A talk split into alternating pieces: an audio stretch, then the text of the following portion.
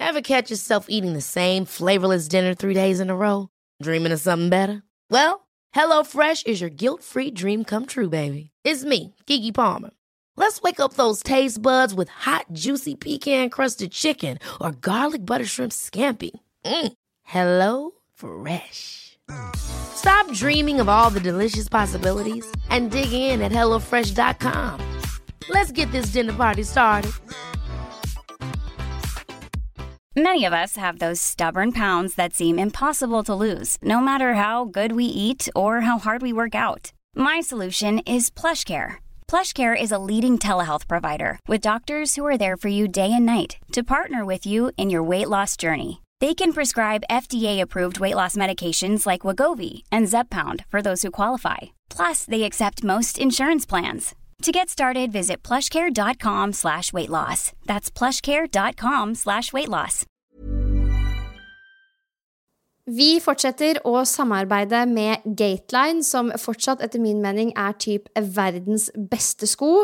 Eh, jeg har jobba med disse lenge, og i går så var jeg faktisk og henta deres nyeste tilskudd i familien, som heter Lunar Light. Og det er den letteste og mest luftige modellen som de har hatt eh, hittil. Den har en sånn overdel som er laget i et tynt og pustende sånn nylon mesh-materiale. Eh, og selvfølgelig da kombinert med Ignite sålemateriale, som er i alle Gateline-sko og såler. Så denne skoen veier kun 270 gram i størrelse 40, hvis det er det du har. Det er det jeg bruker. Um, så Lunar Light er et supergodt alternativ til deg som vil ha en heldekkende sko, men da en litt lettere variant som puster noe mer enn f.eks. noen av de andre modellene. Eh, og altså, jeg hadde den på meg i går når jeg drev og rusla rundt på kjøpesenteret for å ordne noen ting.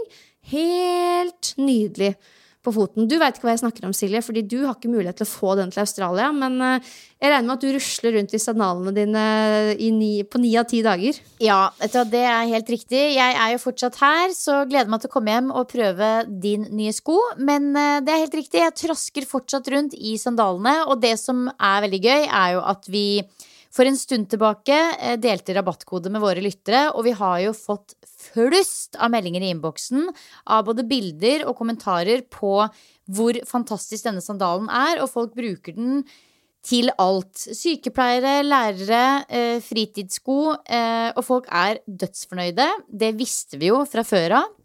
Men det er noe med det å ha igjen denne sandalen som ser sporty og kul ut, og føles ut som en million. 100% Og nå samarbeider jo Gateline ganske tett med utvalgte butikker, og da spesielt sportsbutikker. Så det er Anton Sport, Sport1 og Løplabbet som er de butikkene som definitivt har mange ulike varianter av Gateline-sko i butikk. Så hvis du er gira på å prøve, dra til en av de butikkene. Der eh, skal alle selgere ha fått god opplæring i skoen og teknologien og kan hjelpe deg til å finne den beste modellen for deg, da. Så Gateline, tusen takk igjen for at dere både støtter treningspodden, men også for at dere, for at dere er til.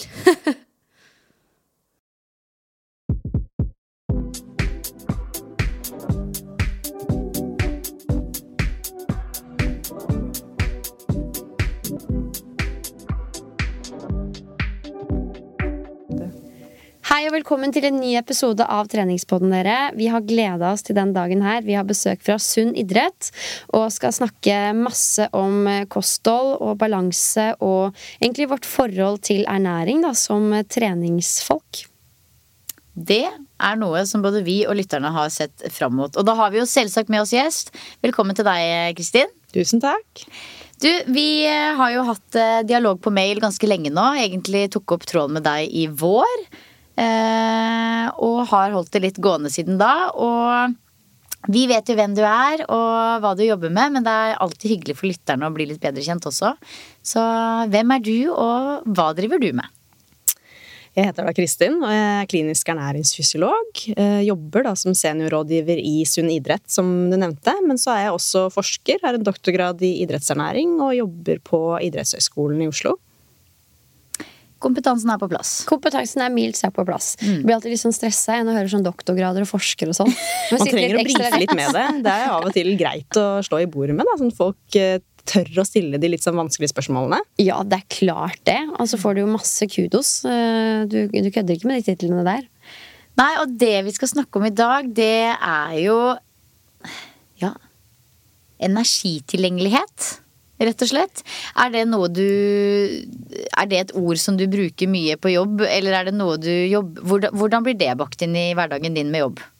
Det er et begrep som er veldig relevant i begge mine jobber, men et veldig vanskelig begrep for folk å forstå, så jeg pleier å prøve å unngå å bruke det ordet i seg selv. Eh, for energitilgjengelighet, hva er nå egentlig det?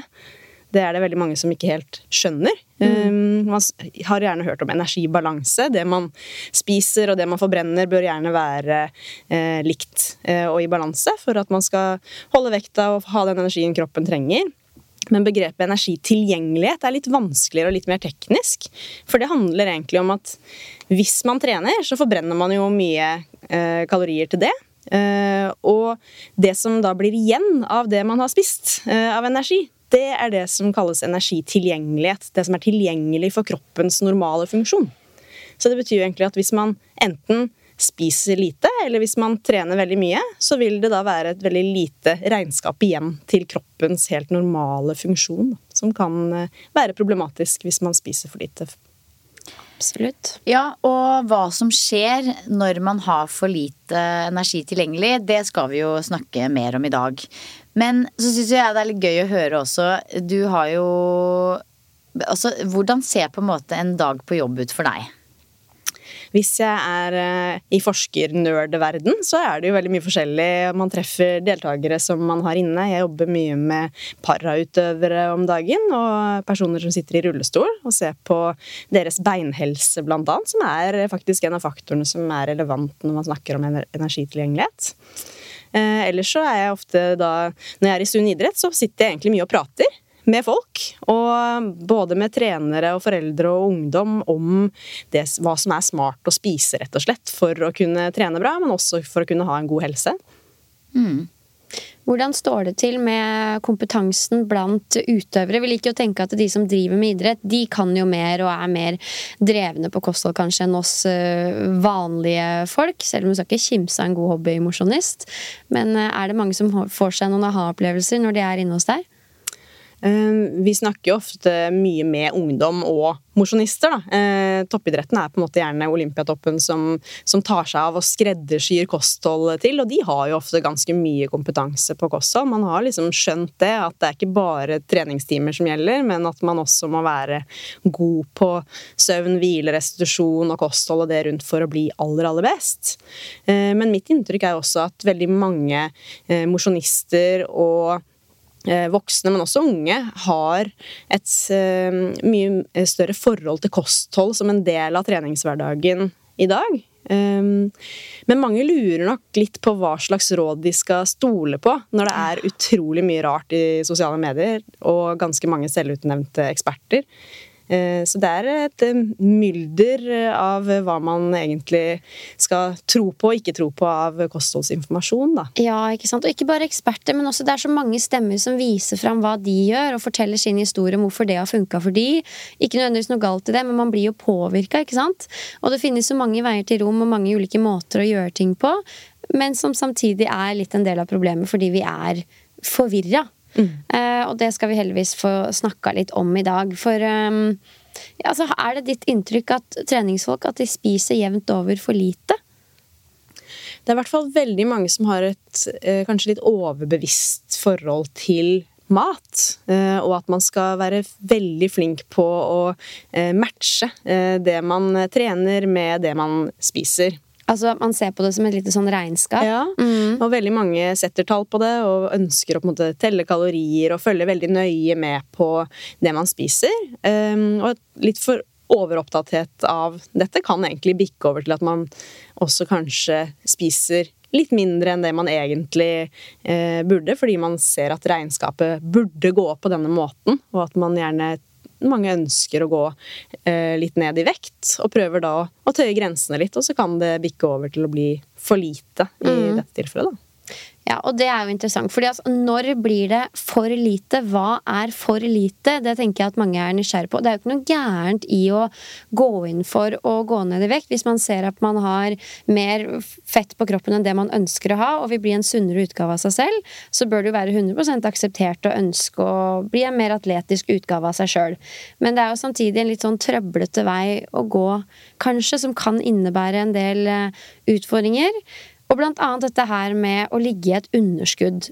Hvordan vet man eksempel hva som er et tilstrekkelig underskudd, men ikke for mye? Hvordan kan man vite det? Mm.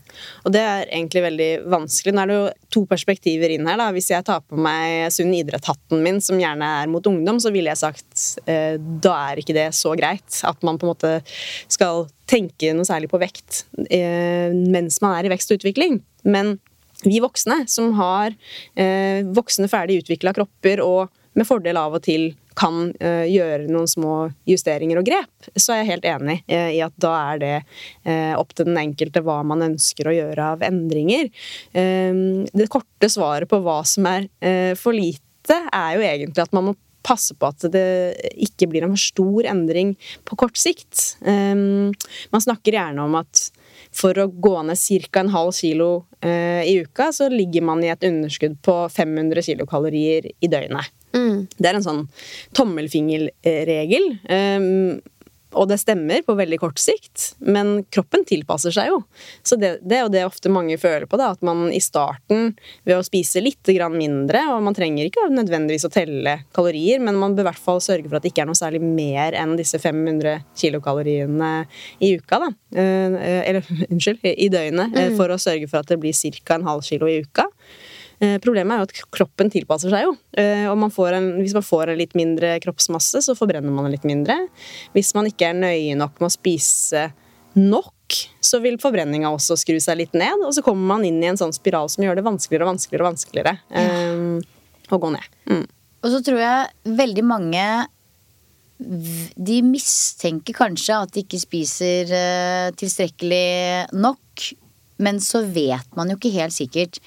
Hva er på en måte de sikreste tegnene på at du har for lite energi tilgjengelig? Mm. Det første man ofte kjenner på, er jo på en måte det man kjenner i hverdagen. At man blir slapp og sliten, at man ikke klarer å konsentrere seg.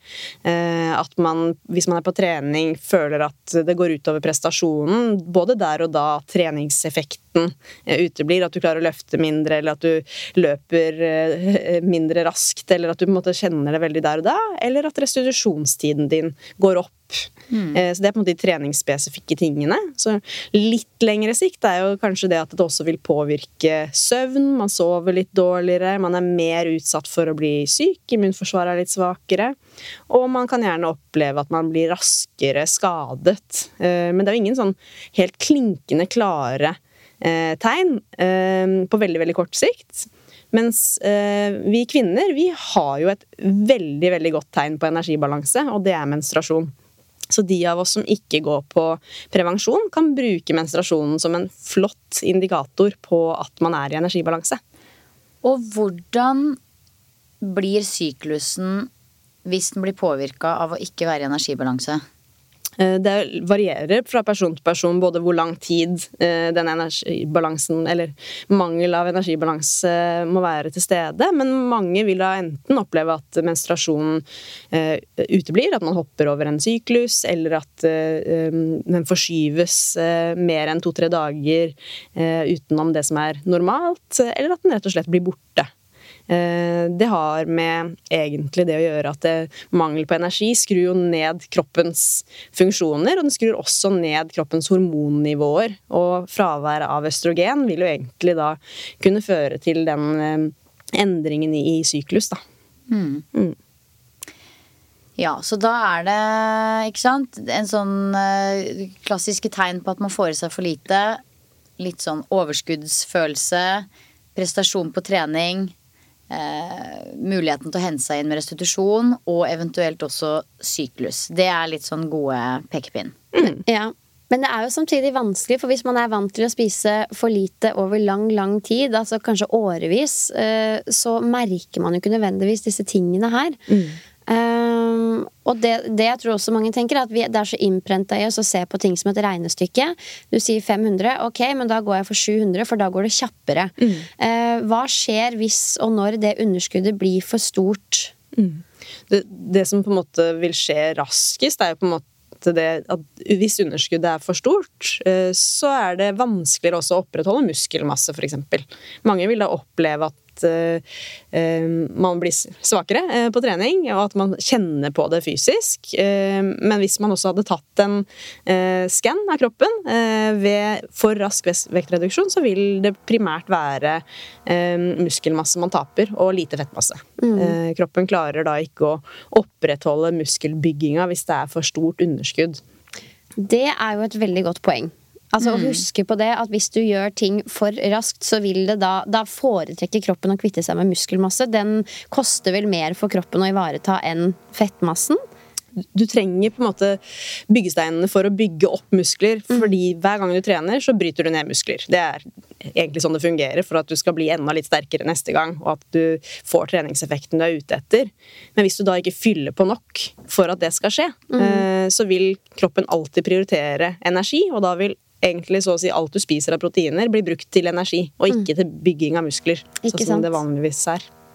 Jeg tror mange hører på oss nå og mistenker at vet du hva, dette gjelder meg, jeg har lyst til å gjøre noe med det. Hvordan går man fram? For jeg tror da også man tenker at ok, hvis jeg gjør noe med dette, så kommer jeg til å gå opp i vekt med en gang. Og det gjør man jo kanskje også, og det er kjempeubehagelig. Dessverre så er det jo mange som henger seg veldig opp i det tallet på vekta. Um, hva er ditt forslag til hvordan man kan gå fram for å prøve å komme seg unn, bort fra en litt sånn negativ spiral? Det handler på en måte om hva som er ditt mål, da. Eh, og se på, eh, på målet man har. Eh, og på den annen side, er det målet forenlig med at jeg skal føle meg bra, ha en god helse og prestere bra? Hvis det er ja, så er jo det helt supert. Og da er det på en måte å få lagt opp en passe rigid plan ut fra ditt eget utgangspunkt. Noen ønsker jo å ha en slavisk plan og følge den til punkt og prikke, mens andre vil oppleve at det tar over for mye rett og slett av den man er og det vanlige livet man har, og at det man blir helt overoppslukt i det. Så det er veldig variabelt der, og der kan man ofte trenge litt hjelp i form av en type coach, eller gjerne en fagekspert eh, i enten ernæring eller trening. Um, så det vil jo veldig mange, mange trenge da, mm. i den prosessen.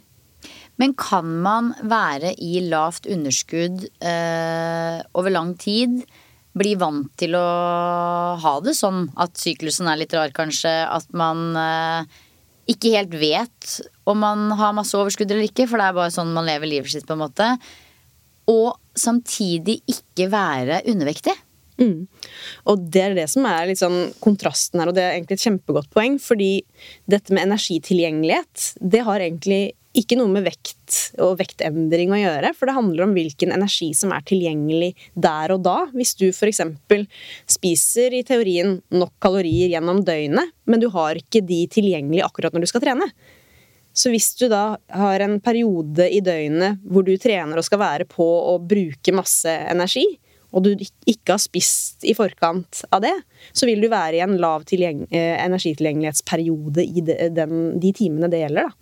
Og det kan også ha negative konsekvenser for kroppen, uavhengig av hva vekta sier. Og da kommer jo fasten litt Ja. inn i bildet. Faste er jo veldig trendy nå, hvor kanskje en eller annen fasteforkjemper ville sagt ja, men da tar kroppen bare fra egne lagre. Hva er dine tanker rundt det? Og jeg dømmer ingen her, virkelig. Det, jeg føler det er 100% men hva, hva, hva, hvorfor gjør ikke kroppen bare det? Eh, kroppen tar fra egne lagre, eh, men for at du skal prestere bra på trening, så er kroppen helt avhengig av å ha energi der og da. Og det er litt avhengig av hva slags type trening man gjør. Eh, men driver man med enten langvarig trening eller høy intensitet, så er det sånn at kroppen er helt avhengig av å bruke karbohydrater som er tilgjengelig her og nå, og du må ha spist eh, og fylt opp karbohydratlagrene på forhånd. Så hvis man driver med faste, eh, så kan jo det helt fint funke bra for noen, og kanskje særlig mer i de som har en eller annen sykdom eller utfordring som kan påvirkes positivt av å, eh, å faste for å prøve å booste fettforbrenningen og alt det her. Eh, Men trener du på høy intensitet, så er det karbohydrater som gjelder. Du har ikke muligheten til å sette om fett fort nok i kroppen, rett og slett. Og da vil det ikke slå ut positivt. Og det gjelder også hvis man er i en periode der man ønsker å være i et underskudd og gå ned i fettprosent, så ønsker man fortsatt å bygge måltidene rundt treningsøktene sine. Helt riktig. Så det, det som ofte da er at hvis man ønsker å gå langsomt ned i vekt og ha en plan for det, så prøv da å time måltidene dine sånn at du har masse energi rundt treninga. Og så kan du heller da kutte litt ned på f.eks. kveldsmåltidet hvis det er da lenge etter trening, eller frokosten hvis det er lenge før trening. Altså Dette her er viktig informasjon, fordi vi har hørt fra tidligere gjester som jobber da med fasting, at eh, hvis du trener på tom mage og gjerne gå, lar det gå litt lengre tid etter også, så vil det være positivt for kroppen.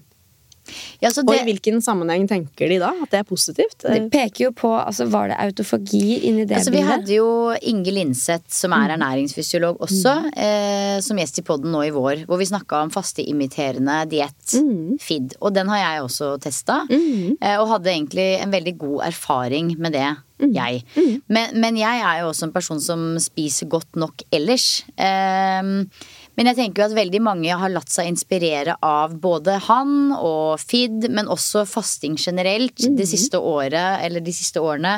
Og, og på en måte fått innprinta i mye større grad nå enn det vi har tenkt før, at det går helt fint å trene morgentrening selv om du ikke har spist frokost. Du vil få like gode resultater, og det er ikke så farlig om ikke du spiser rett før du skal trene etter jobb heller, fordi kroppen vil uansett ta av lagrene sine. Det føler jeg er litt sånn den nye, den nye greia. Man har ikke blitt så liv... Altså før så var, var det veldig sånn man måtte ha et mellommåltid før trening for å kunne prestere godt nok. Nå senker folk litt mer skuldrene, og så tar man den økta uansett. Fordi nå har vi lært på en måte de siste årene at det blir en bra økt uavhengig om du har spist før eller ikke. Men da er det ikke helt sånn. Det kommer veldig an på hva Ja. du skal gjøre på den økta. Det tenker jeg er en av aspektene her. Og så kommer det veldig an på hvem du er. Eh, er du en person som trener litt, eh, ikke så veldig ofte, eh, har en ganske stillesittende hverdag og kanskje tenker at du med fordel kunne ha gått ned et par kilo, det er veldig veldig annerledes enn en som trener hver dag, eh, løper fra det ene til det andre av aktiviteter, eventuelt er ungdom, som gjerne også har da energibruk til kroppens utvikling i tillegg. Da er det eh, ikke anbefalt eh, å drive med periodisk faste eller andre faste dietter. Så det er veldig avhengig av hvem man snakker til. Eh, og så er det jo sånn da at hvis man skal trene utholdenhet eh, over en time, halvannen, og særlig hvis intensiteten er høy, da vil karbohydratlagerne gå tomme, og man går på en smell. Åh, jeg kjenner jeg blir, for, jeg blir forvirra. Ja, men nå, nå kjenner jeg samtidig at nå kommer vi hjem. Nå får vi den rette infoen. Og det var litt dette vi prøvde Vi har prøvd å bli klokere på tidligere også. Vi har lagd en eh, episode som het Faste for treningsfolk. Men det er jo veldig mye man ikke vet om akkurat det emnet også, så det det er jo vanskelig å gi noen fasitsvar. Men dette høres jo ut som noe vi virkelig kan lene oss på, vi treningsfolk. eh, Og huske på det at vi trenger energi tilgjengelig for å være og bli gode på trening. Og også hvis du ønsker å gå ned på sikt, så skal du bygge måltidene dine og næringa di rundt da øktene.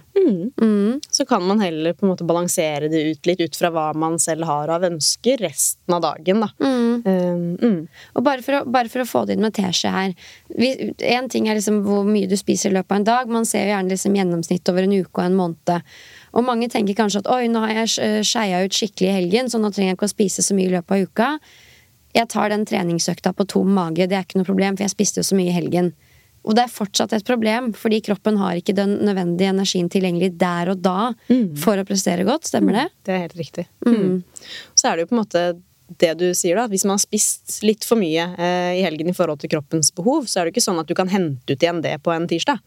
Eh, det Mange- lagres jo i kroppen, det, ja. og det lagres som fett i kroppen. Og det fettet det vil man også kunne bruke igjen. Eh, og det er jo ikke sånn at man da hele tiden må spise for å ha energi. Man har kroppens lagre, og det er helt riktig. Og i vår hverdag og sånn i det generelle livet så kan man fint klare seg ganske lenge uten å spise. Man har jo sett disse her polekspedisjonene hvor man kan gå uten mat i 50 dager eh, og allikevel overleve. Så vi har ganske store lagre å tære på selv, så det er helt riktig.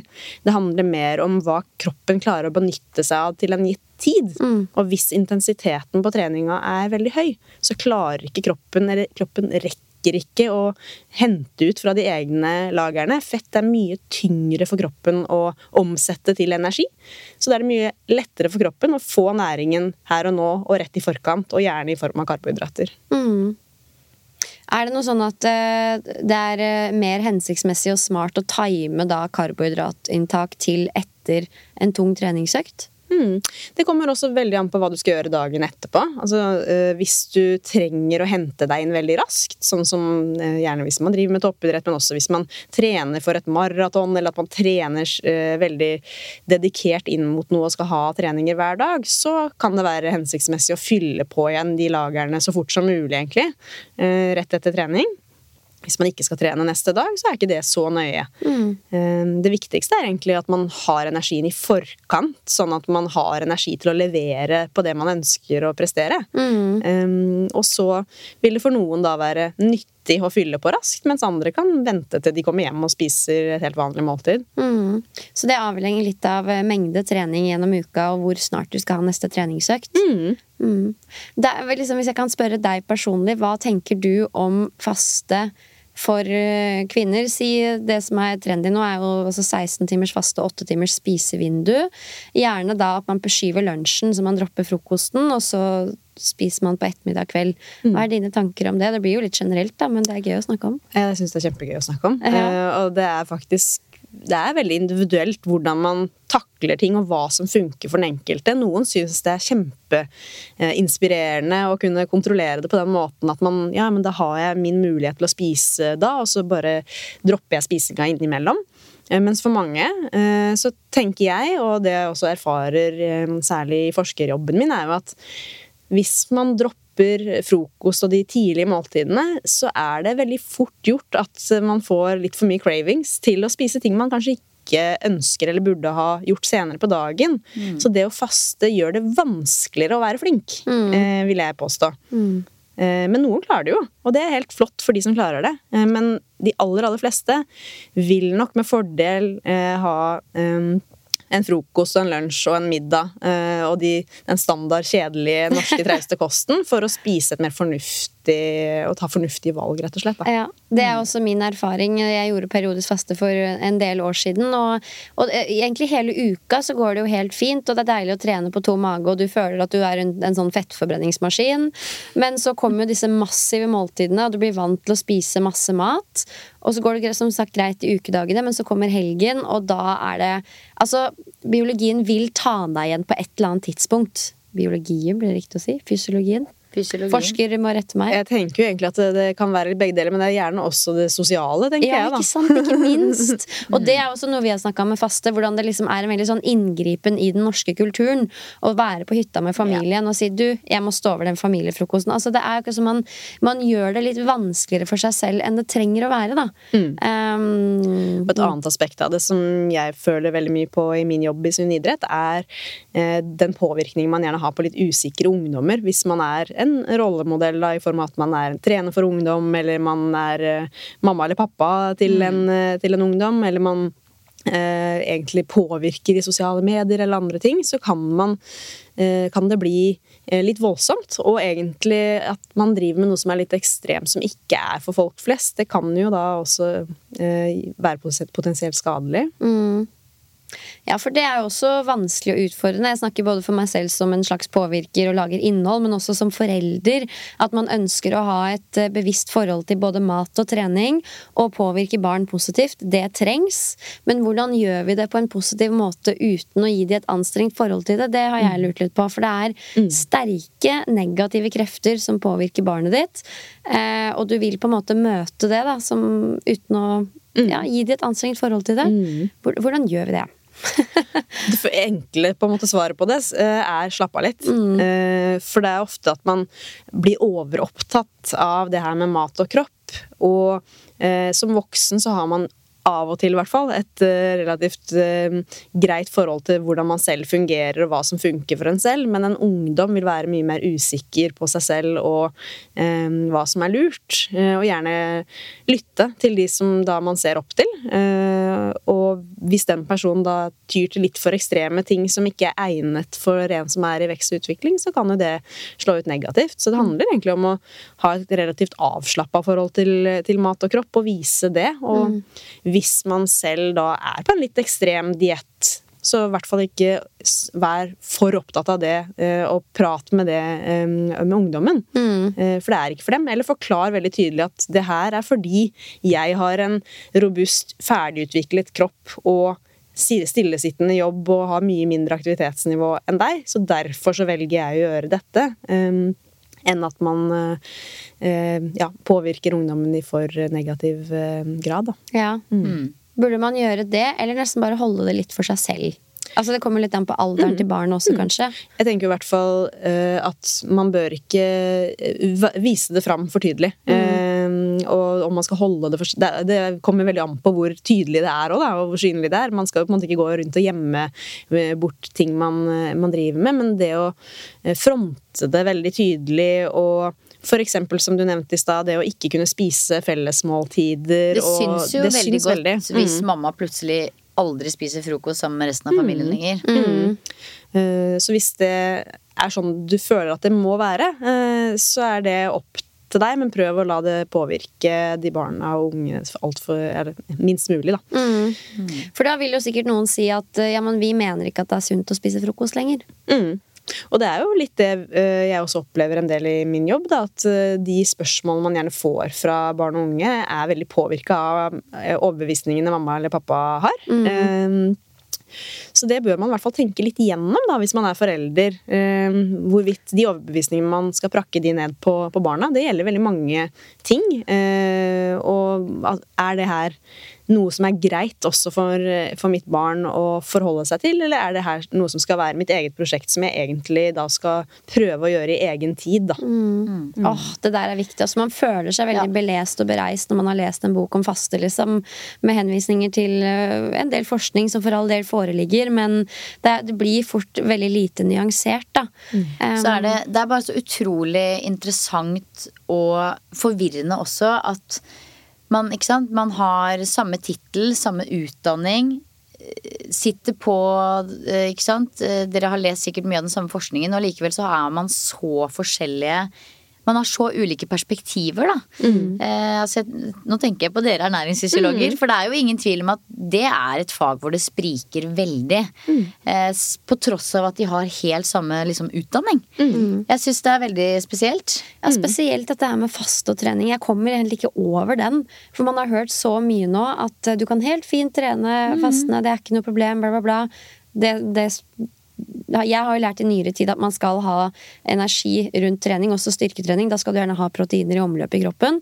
Men der kan jeg møte mye motstand i forhold til at nei, det trenger jeg ikke. Jeg har nok proteiner totalt sett, så det er ikke noe problem. Og, ja. Nei, det er um... Og det er jo Problemet ligger jo også i at faktisk så er ernæringsforskningen veldig, veldig ny, hvis man mm. sammenligner med medisin og andre fagområder. Så man man har ikke alle svarene på alt. Eh, pluss at det er veldig variabelt ut fra hvem man er. Mm. Eh, og for eksempel bare det her med når man snakker om at ja, men man kan fint eh, tære på fett og gjerne booste fettforbrenningen ved å faste, så er det jo nå flere forskningsresultater som viser at hvis man ser på et utvalg av 2000 utøvere, da, så vil noen ha sin maksimale fettforbrenning på 20% av maksimalt oksygenopptak, eller på lav intensitet, mm. mens andre vil ha det på 80 av maks. Mm. Så det er et utrolig vidt spekter i både hva man har av naturlig fettforbrenning selv, og hvordan kroppen responderer på matinntak og på trening. Så det, er, det, er, ikke et fasitsvar, og det gjør det jo ganske komplekst, da. Mm. Var det mennesker som var liksom like godt trente, alle var toppidrettsutøvere eller utøvere? Mosjonister ja. på forskjellige nivåer og fra forskjellige idretter, og en svær pool av, eh, av folk. Og det varierte på tvers. Det var ikke sånn at utøverne ligger gjerne her, da starter deres fettforbrenning. Det var helt, helt random. Å, mm. herregud. Ja, ikke sant. Mm. hvordan blir man klok oppi dette her, da?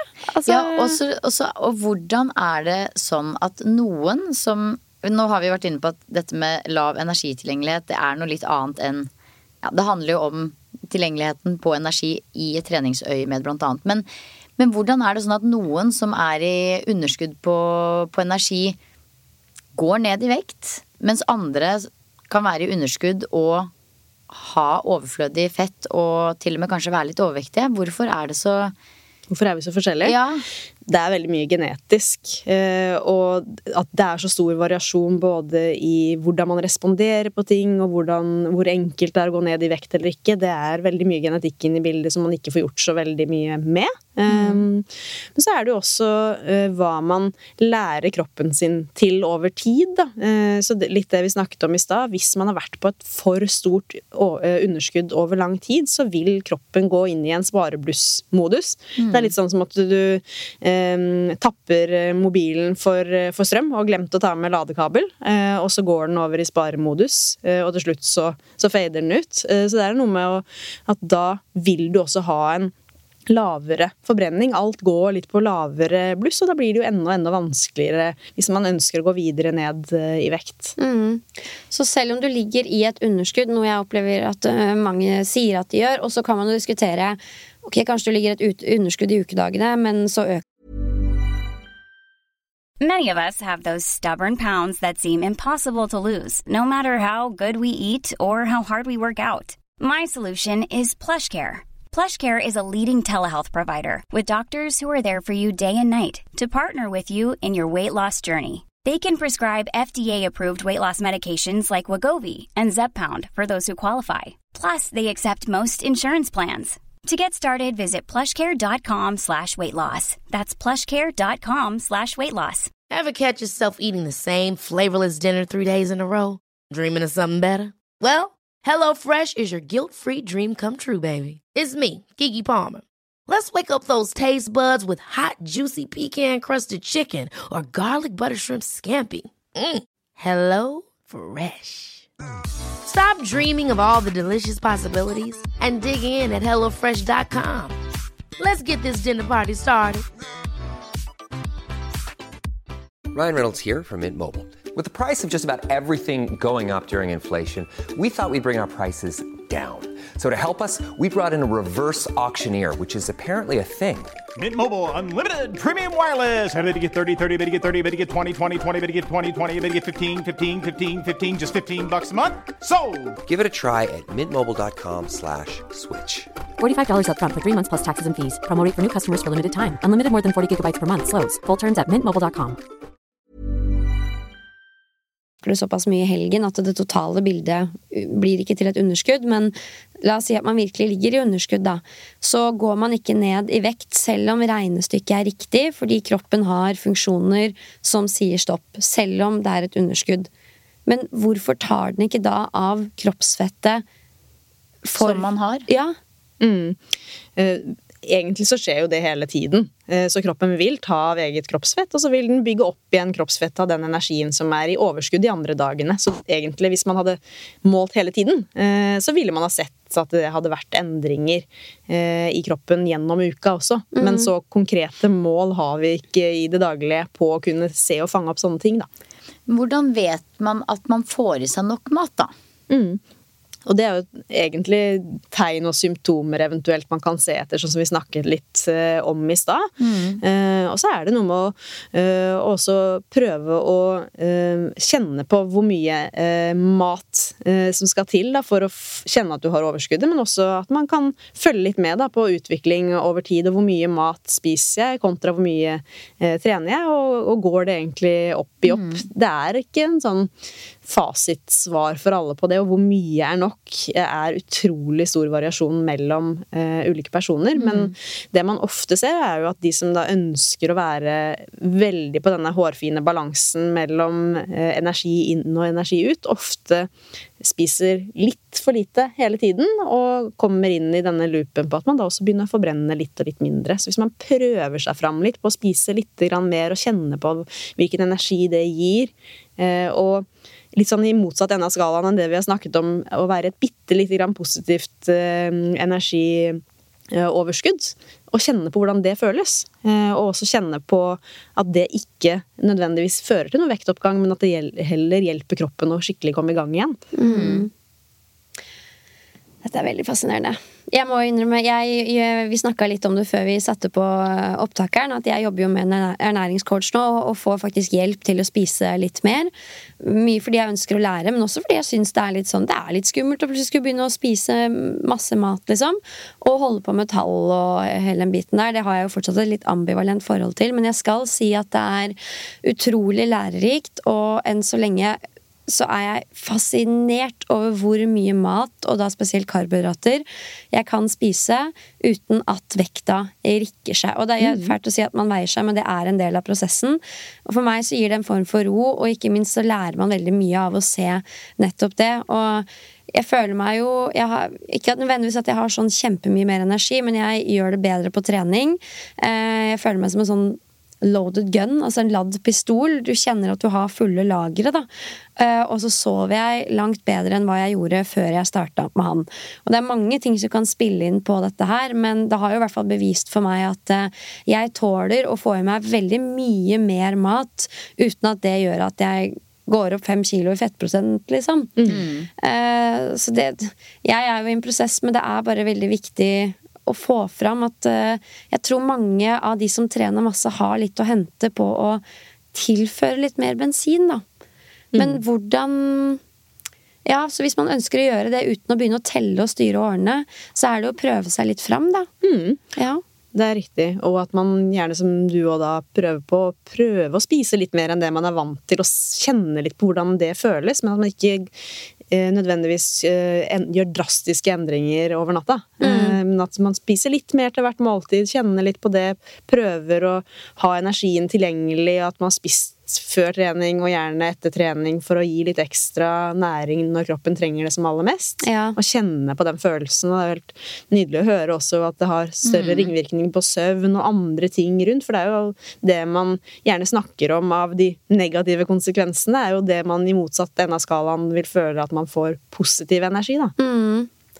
Absolutt. Og så med tanke på det her å bygge muskler, så hører man jo at det trengs et overskudd, men jeg tror vi undervurderer hva det overskuddet egentlig er. Altså Jeg har liksom tenkt at jeg har gått og bygd muskler, og for all del, det har man jo.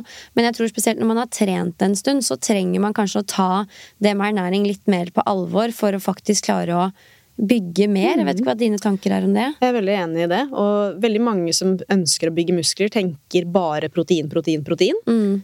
og så glemmer man at egentlig så handler det om å ha nok energi for at kroppen skal klare å bygge muskler. For hvis man eh, har for lite energi, men man pøser på med proteiner, så vil alle de proteinene brukes til den, det energiunderskuddet og hjelpe kroppen til å ha nok energi, og ingenting vil gå til muskelbyggingen.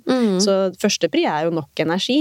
Og så vil man jo måtte ha noen proteiner som byggesteiner, men det klarer de aller, aller fleste å få mer enn nok av. Så det er jo det å sørge for å gi kroppen tilstrekkelig energi for å bygge muskler til trening, som er clouet. Ja, og det, er jo, det har vi jo snakka litt om, og det tallet har variert litt. Hva er dine tanker om hvor mye protein man trenger, hvis vi skal snakke i tall og gram, da? Sånn cirka ish per dag.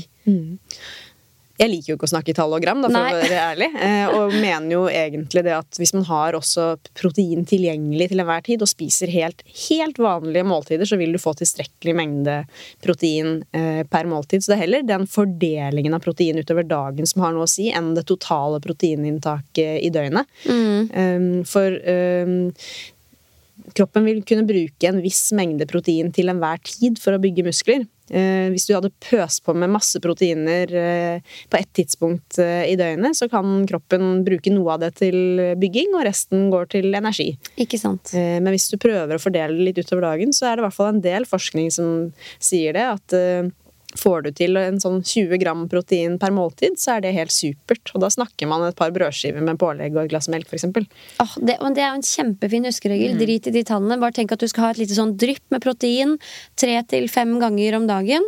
Og da er du godt rusta for å bygge muskulatur. Det er viktig, men nesten minst like viktig for å bygge, så er det å ha nok energi tilgjengelig i form av selvfølgelig fett, men også karbohydrater, da. Og det får du ved disse brødskivene Ja. som du kan spise til lunsj, da. Jeg føler dette er en veldig viktig, og viktig episode. Få, Ja. få det litt inn. Ja, absolutt. Og det er, det er jo noe med det å bare Ja, folk er liksom redd for å spise for mye. Man er redd for å spise for mye, rett og slett. Og det må man slutte å være redd for. Men hva er fordelen med å bygge muskler, da? Tenker du at det er noe som vi burde gå inn for alle mann alle, eller hva? De fleste av oss har eh, en helt ok muskelmasse. Eh, hvis man trener litt, eller egentlig bare er fysisk aktiv og har hverdagsaktiviteter og måker snø og eh, rydder litt i hagen og gjør sånne type aktiviteter, så kommer man veldig, veldig langt. eh, utover at man må ha så innmari definerte muskler, eh, eller bygge muskler, som man gjerne kaller det, og eh, at det er veldig synlig. Så det handler jo også om at man føler seg sterk eh, og får til de tingene man ønsker i hverdagen, som er det viktigste sånn funksjonelt, da. Mm. Og for helsa òg. Det, er jo eh, det er ingenting som viser at de som har en veldig stor muskelmasse, har bedre helse. Mm. Det er jo heller at det gjerne går på bekostning av at man kanskje har en for lav fettprosent eh, som ikke er så godt forenlig med god helse. Ja, Det tenker jeg er bare sånn viktig å slå fast. For jeg, jeg, og vi er jo, og jeg spesielt er veldig forkjemper for styrketrening. Men eh, man vil jo ikke gi noen følelsen av at de ikke er optimalt sunne eller har god helse, selv om de ikke trener styrke fire ganger i uka. Og, altså det er fint å vite at de fleste av oss har normal muskelmasse. Så lenge du trener og er aktiv og får i deg protein, så er du og så er det noen som er spesielt interessert og vil bygge mer og se ut på en bestemt måte, men vi er rusta med bra med muskelmasse, og det Så lenge du fortsetter å holde deg aktiv også etter fylte 30 og inn i 40-50-åra, så vedvarer den relativt bra. Er det ingenting som tilsier at vi burde gjøre litt flere tiltak for å ta vare på den muskelmassen etter hvert som vi blir litt eldre? Når man blir eldre, så er det et poeng i at man gjerne skal jobbe enda litt hardere for å beholde eh, muskelmassen, og at man ser at Men da er man gjerne i overgangsalder eller, eller eldre enn det også, eh, før man ser at det er en utfordring. Og det har også det har med flere ting å gjøre. Det har med muskelmassen vår å gjøre, men det har også med beinhelsen vår og skjelettet vårt å gjøre, som mm. gjerne også eh, svekkes med åra. Er man bedre rusta inn i en overgangsalder hvis man har masse muskelmasse? Man har jo gjerne fall en høyere forbrenning når man har eh, en Det er jo det veldig mange tenker på når de ønsker å bygge mye muskler, da, for det booster forbrenningen, og man muskler forbrenner mer enn fett osv. Og, så og det, det stemmer jo. Um, så hvis man ønsker også å kunne spise godt, eh, så er det jo fint å ha en, en god muskelmasse, og så er det bra for kroppen å, um, å ha en god muskelmasse og prøve å opprettholde den gjennom voksenlivet, da, sånn at man også som, som eldre kan beholde muskelmassen sin. ja.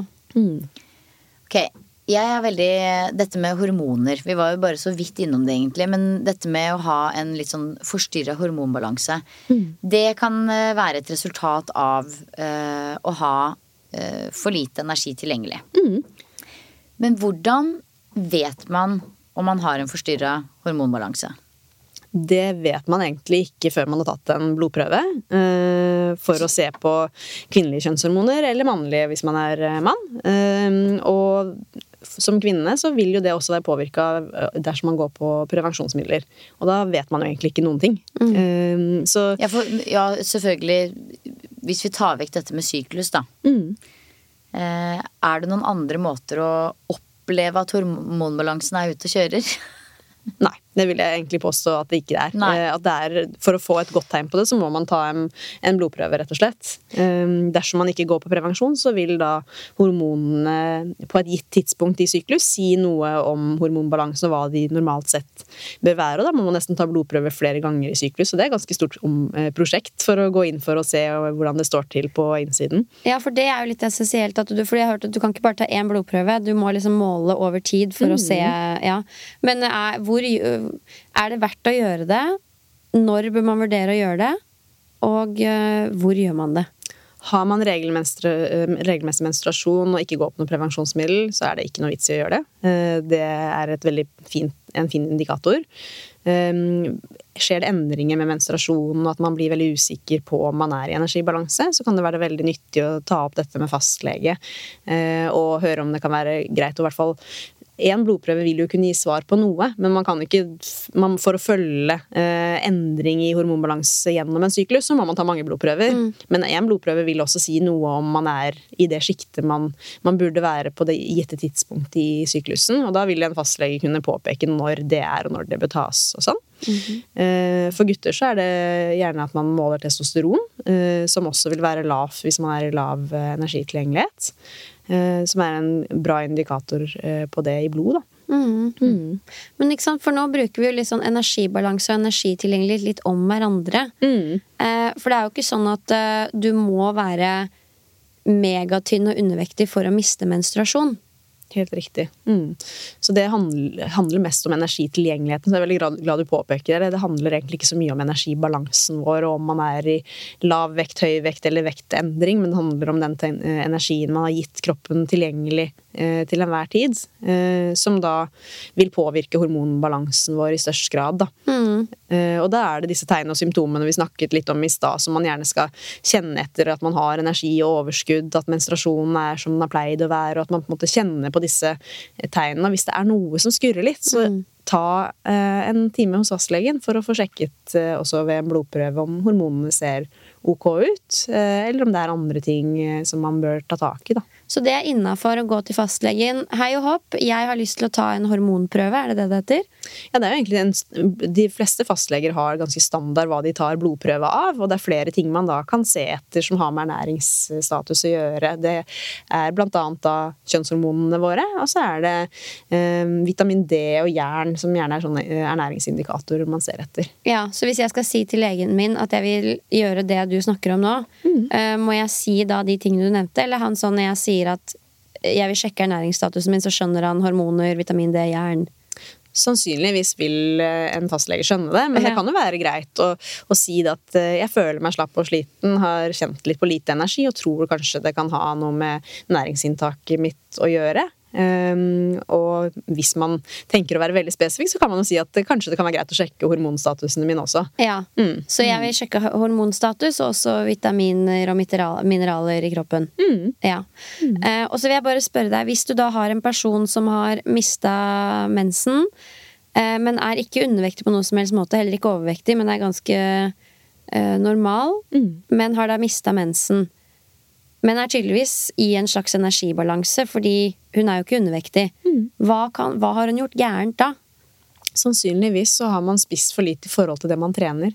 Eh, Selv om man ikke går ned i vekt, så har man da for lite energi tilgjengelig eh, til kroppens normale funksjoner, og så har det ført til at eh, østrogennivåene kan ha gått ned, og at man mister menstruasjonen. Og det er noe man skal ta på alvor. Så selv om man er normalvektig og man ikke har hatt noe vektendring, og menstruasjonen har blitt borte, altså en måned er, kan det skje, men hvis det vedvarer i to måneder, tre måneder, så skal man ta en tur til legen. Men det er da jeg ikke skjønner hvorfor har ikke kroppen da bare vært sånn Her er det masse energi og fett tilgjengelig, jeg bruker det. For det er, det- jeg bare spør fordi det er det, det jeg Ja, tror ja. mange tenker. At her er det jo masse energi. Um, Mm. Fordi kroppen vår er eh, fra gammelt av, eller hva skal man si, evolusjonsmessig skrudd opp sånn at eh, vi eh, skal flykte og vi skal kjempe. Eh, Og det er egentlig det vi gjør når vi trener. ja. Og det er det kroppen prioriterer energien sin til. Så hvis man da spiser lite og trener veldig, veldig mye, så vil kroppen der og da ikke prioritere den normale funksjonen og skru ned alle de prosessene.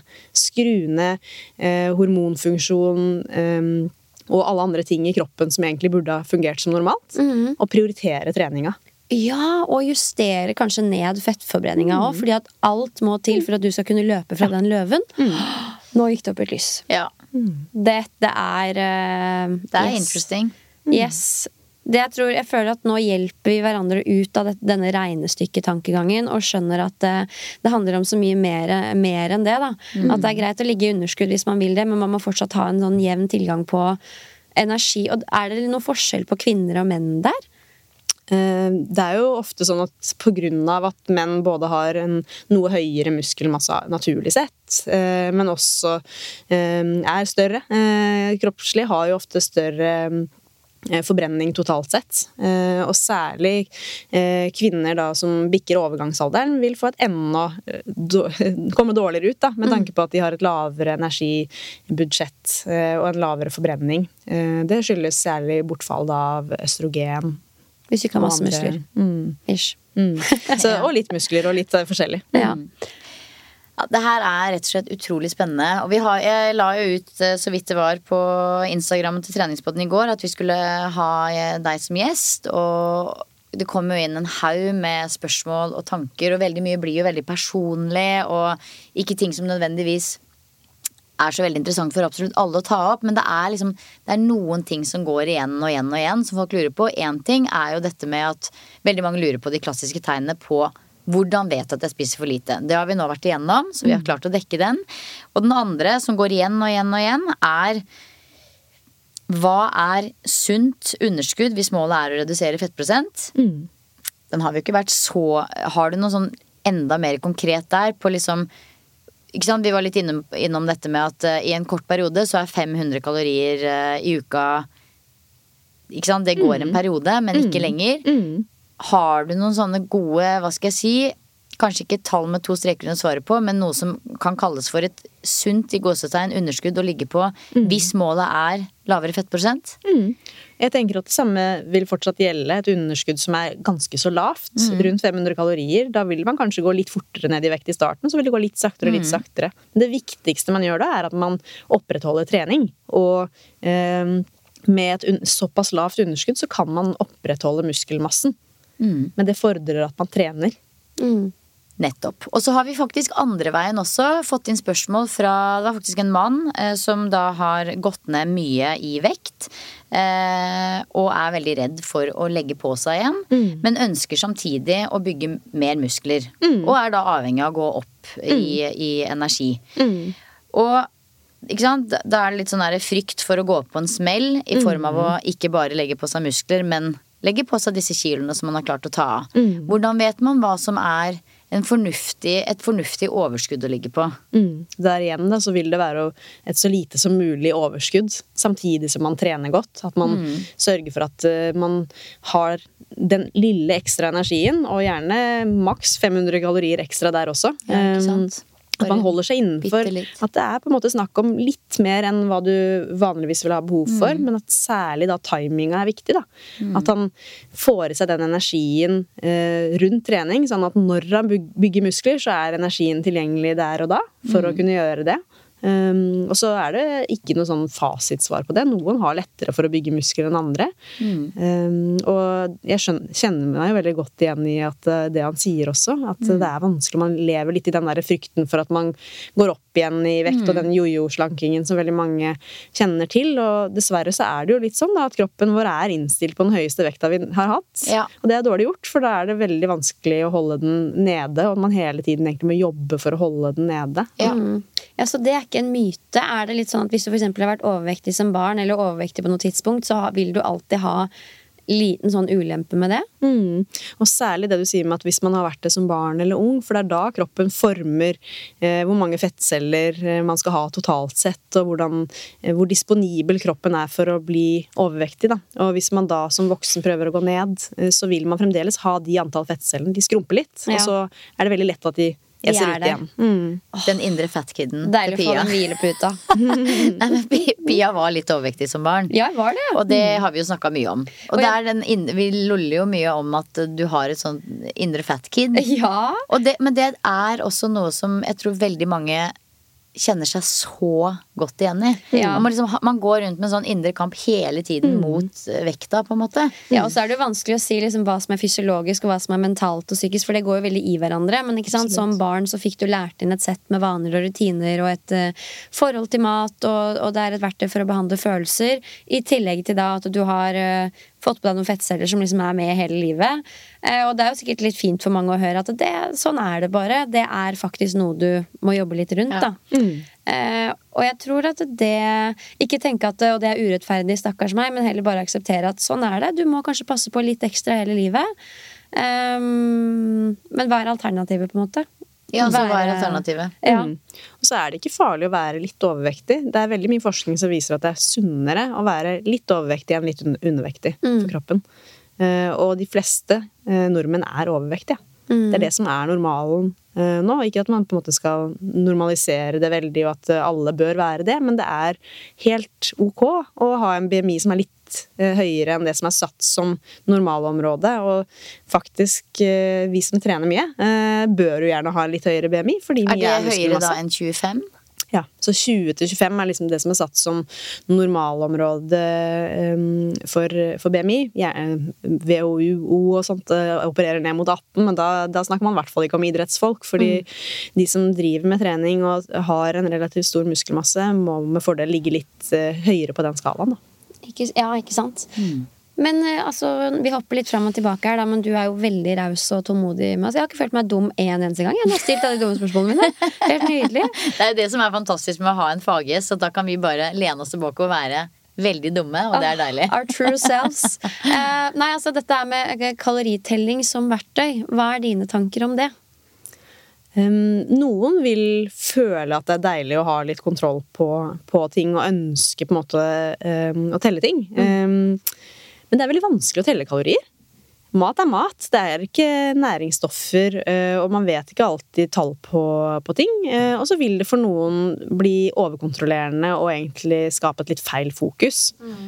Um, ja, jeg telte jo kalorier nå i forbindelse med at jeg testa denne femdagers feed-fasten. Mm. Eh, og jeg, må, jeg har snakka mye om dette i poden, altså, og, og, det er også første gangen jeg har gjort noe sånt. Mm. Første gangen jeg har telt kalorier også.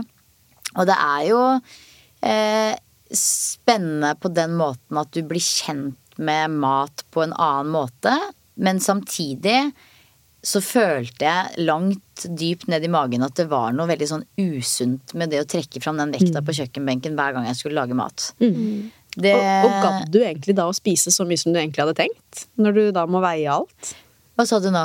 Ofte, så, i hvert fall som ja. forsker, da, så ser man at uh, hvis man driver med vekt uh, og telling av kalorier, ja. så spiser man faktisk mindre de dagene man gjør det. Fordi man mm. uh, ikke gidder. Er prosess, liksom. og, eller man også tenker at jeg burde kanskje egentlig ikke ta den sjokoladen, som jeg vanligvis ville ha mm. gjort, men nå skriver jeg det opp, så da blir det ja. alvorlig, liksom. Ja, nei, det er, det er, et sånn drag over prosessen som føles litt sånn uh, unaturlig på et vis. Mm. Men på Fidden så gadd du å spise, for da hvert eneste blåbær Altså, det var på det nivået den uka. Jeg tok det veldig på alvor. Da skulle skulle jeg virkelig gjøre det fullt ut. Og det var jo på det nivået at det liksom Eh, ikke sant? Eh, vekta viste to gram for mye valnøtt. Knekke den valnøtta i to og legge den mm. tilbake i posen. Og det er jo helt vilt. Mm. Ja. For vanligvis så ville jeg kanskje bare tatt sånn Jeg tar meg en neve valnøtter jeg er ekstra mm. her. Etter mm. at jeg egentlig har putta de jeg skulle ha i skåla. Mm. Så det er på en måte Ja, nei, det, det var Men for meg var det veldig lærerikt på mange mulige måter. Men jeg skjønner så mm. godt at man det kan tulle med hodet til folk, altså. Ja, for det var jo fasteimiterende diett. Der hvor du ligger på Jeg tror du spiser sånn 750 750 kalorier om dagen. Ja, i fem dager. Og tanken mm. da er at kroppen har eh, så lite energi tilgjengelig at den begynner å spise av seg selv og spise mm. opp de syke cellene. Mm. Eh, Autofagi. Mm. Ja, og så er det litt usikkerhet rundt eh, hvordan det påvirker muskelmassen.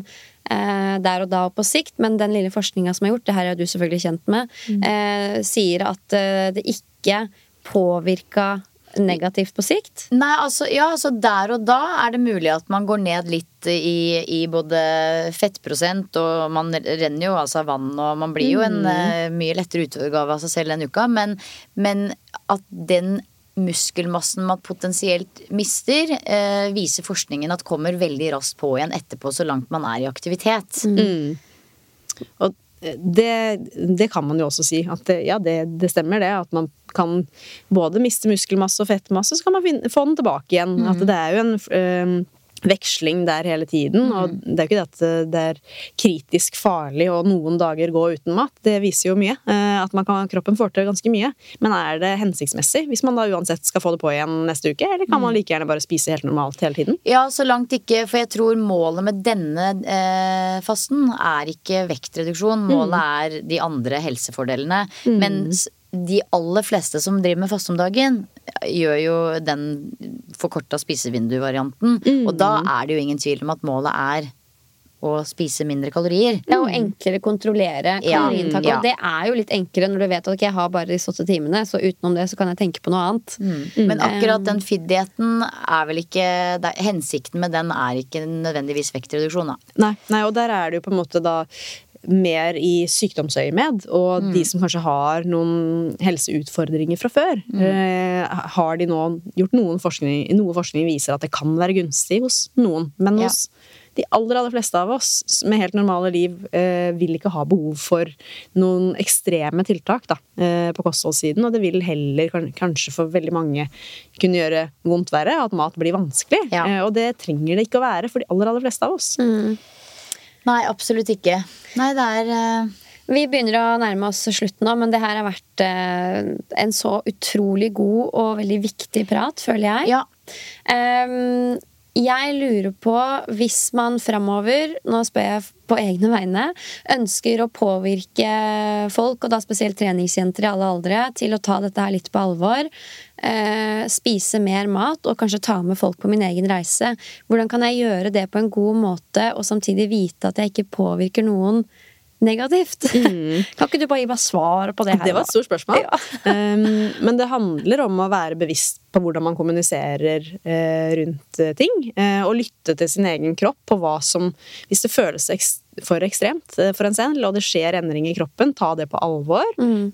men også i, eh, eh, hvis man gjør noe som er litt ekstremt, så kan du også prøve å tenke på hvordan vil det egentlig påvirke alle de andre rundt meg, som kanskje ikke er så dedikert til dette akkurat nå. Dette her er min boble. Mm. hva er det som egentlig er lurt å dele, som ikke vil ha negativ påvirkning på andre? I hvert fall stå litt stille ved det. Mm. Jeg har ikke noe fasitsvar på hva som er eh, lurt og ikke lurt her. Um, Men for de aller, aller fleste så handler det om å ha et helt vanlig og avslappa forhold til mat og kropp. Jeg syns det er et veldig godt svar. Og hvis vi ønsker å råde folk eller tipse folk om å forsøke å spise litt mer, fordi de kjenner seg igjen i noe av det vi har snakket om i dag, så handler det ikke om å liksom legge til en melkesjokoladeplate på lørdagen, men å tilføre litt mer ris, potet og pasta jevnt, og proteiner eller fett for den saks skyld, egentlig jevnt igjennom uka, og sørge for at du har bra med energi før og etter trening. Så det er jo ikke så sexy som mange tenker at liksom, oh, nå kan jeg ta med en ekstra flaske vin og bøtte nedpå med det ene og det andre. de tomme kaloriene. Det er i hvert fall min erfaring at det er, litt, det er litt jobbing å få i seg mer av den riktige maten. Mm. det er liksom ikke bare fries og, og loff, eh, på en måte, hvis man skal gjøre det på en eh, god måte som er sunn. Nei, og vi er jo på en måte glad i å spise store porsjoner. Det fins jo også en del mennesker som syns det er vanskelig å spise mye mat, og for de blir det jo kjempeutfordrende. Men vi to er jo veldig glad i de største tallerkenene. Ja, det er veldig søtt du at du sier det, men jeg er enda, Ja, du enda er, litt du er mer glad. enda litt mer enn meg, men vi er jo begge to ganske Absolutt. Så hvis Ja. du spiser ekte, ekte bra mat, jeg skal ikke si naturlig ren mat, gode men ja, råvarer. Ikke sant, gode råvarer, så føler jeg det skal sjukt mye til for å spise så mye at du eh, legge på deg fett hvis du i tillegg trener jevnlig, da. Ja. Det er sånn ikke den vanlige maten som gir de største kaloribombene, faktisk. Nei, nei, nei, Eh, Så nei. det å spise litt mer av den vanlige maten rundt trening, det tror jeg er clouet her. Mm. ah, Fantastisk. Nei, jeg tror, eh, jeg tror dette er en litt sånn øyeåpner for ganske mange, egentlig. For jeg tror vi nesten, nesten ubevisst alle sammen går litt rundt og, og tenker på et regnskap, selv om det ikke er et eh, nødvendigvis et regnskap, så er det likevel der hele tiden litt til stede. Ja, du har, du har det regnskapet, og så har du det med at karbohydrater er fælt for oss. De tror jeg står Det er noen myter som er prin- innprinta, og det er, kommer sikkert fra ting vi har hørt i barndommen. Underbevisstheten vår, liksom. Ja, og ting man har lært i ungdomsåra, og så er det Vi vet egentlig at det ikke stemmer, men så bare følger det deg likevel. Ja. Så dette her tror jeg er en veldig viktig episode som jeg håper mange hører. Mm. Og da, så da trenger vi ikke å være redd for karbohydrater. Men ikke være redd for karbohydrater. Og hvis hjernen skal prestere bra, og hvis man skal prestere bra når man trener hardt, så må man ha karbohydrater. Og nå skal jeg hjem og spise masse Ja, men da tror jeg mange tenker sånn Ja, men eh, kroppen kan jo produsere ketoner eh, selv, bare den får eh, fett. Mm. Og det er et bitte, bitte, bitte, bitte lite lager av, så da kommer du ikke så veldig langt. Nei, ikke sant. Åh, vi vil jo komme langt. Vi skal komme så Vi skal langt. jæklig langt. Nei, tusen, tusen, tusen takk for at du tok deg tid til å komme til oss. Det var Bare veldig sporty, rett og slett. Det var helt supert. Og hvis folk har lyst til å følge deg, altså er du på Instagram og Jeg er på Instagram, men ikke veldig aktiv selv. Men Sunn idrett er på Instagram, og de er aktive, så det er bare å følge med. Ikke sant? Så hvis man sitter igjen med noen spørsmål, så kan man jo kanskje ta kontakt på Instagram. Det kan man. Eh, og så har du jo også Ros, altså Nettros heter de på Instagram. Så, eh, hvis man kjenner at man kanskje har et litt trøblete forhold til disse tingene her, noe som er helt naturlig, hatt det sjøl i mange år, først nå det begynner å stabilisere seg, eh, så kan man snakke med de. Eh, det er veldig fint å få snakka med noen. Nå begynner det å bore her, så jeg tenker at det var Ja. fin anledning. Det er et tegn på at nå er vi ferdig. Nå er det over. Tusen hjertelig takk for at du kom. Takk for at jeg fikk komme.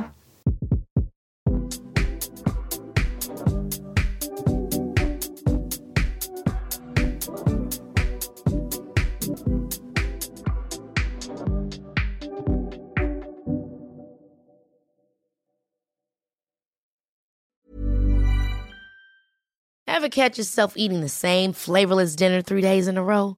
Dreaming of something better? Well, HelloFresh is your guilt free dream come true, baby. It's me, Gigi Palmer. Let's wake up those taste buds with hot, juicy pecan crusted chicken or garlic butter shrimp scampi. Mm. Hello Fresh. Stop dreaming of all the delicious possibilities and dig in at HelloFresh.com. Let's get this dinner party started. Hello, this is Danny Pellegrino, host of the Everything Iconic podcast, and I'm here to tell you all about Splash Refresher because hydration is mandatory, but boring is not.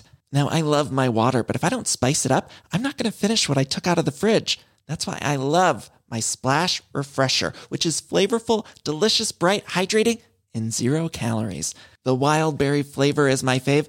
No, wait, is the pineapple mango flavor my fave? You know what? All five craveable splash refresher flavors are my fave because they're so delicious. So get hydrated and enjoy it with Splash Refresher.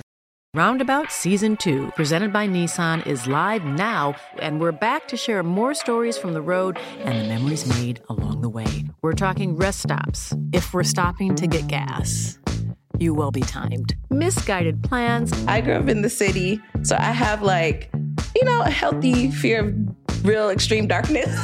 a lot of laughs, Y'all weird, but you, yeah, you, you were different. and so much more. Listen and subscribe wherever you get your podcasts. Imagine the softest sheets you've ever felt. Now imagine them getting even softer over time. That's what you'll feel with Bowl and Branch's organic cotton sheets. In a recent customer survey, 96% replied that Bowl and Branch sheets get softer with every wash. Start getting your best night's sleep in these sheets that get softer and softer for years to come. Try their sheets with a 30-night guarantee. Plus, get 15% off your first order at bowlandbranch.com. Code BUTTERY. Exclusions apply. See site for details.